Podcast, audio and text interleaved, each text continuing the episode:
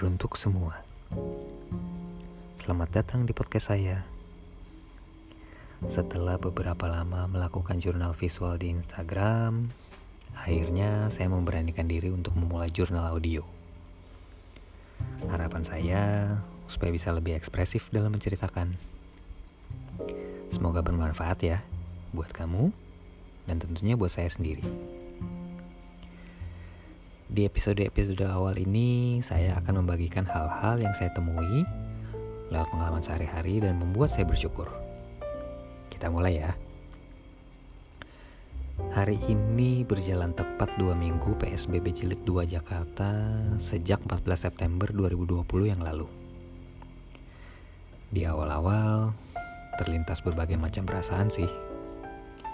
Mulai dari kekecewaan, kesedihan, kekhawatiran, bahkan kekesalan.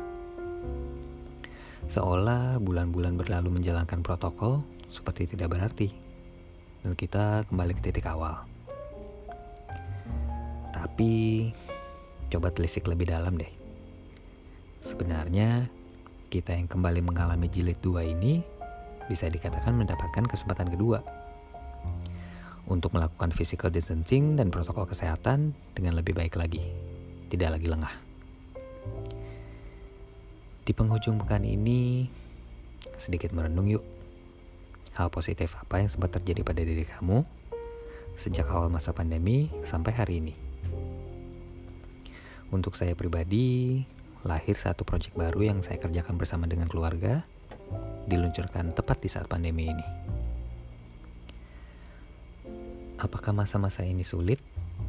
Tentu saja. Apakah kita lalu berdiam diri dan terus larut dalam situasi sulit? Tentu saja tidak. Daripada berkeluh kesah, gimana kalau kita mulai menghitung paling tidak satu kebaikan yang kita alami setiap harinya? Setuju nggak? Kita buat rangkaian energi positif terus mengalir setiap harinya.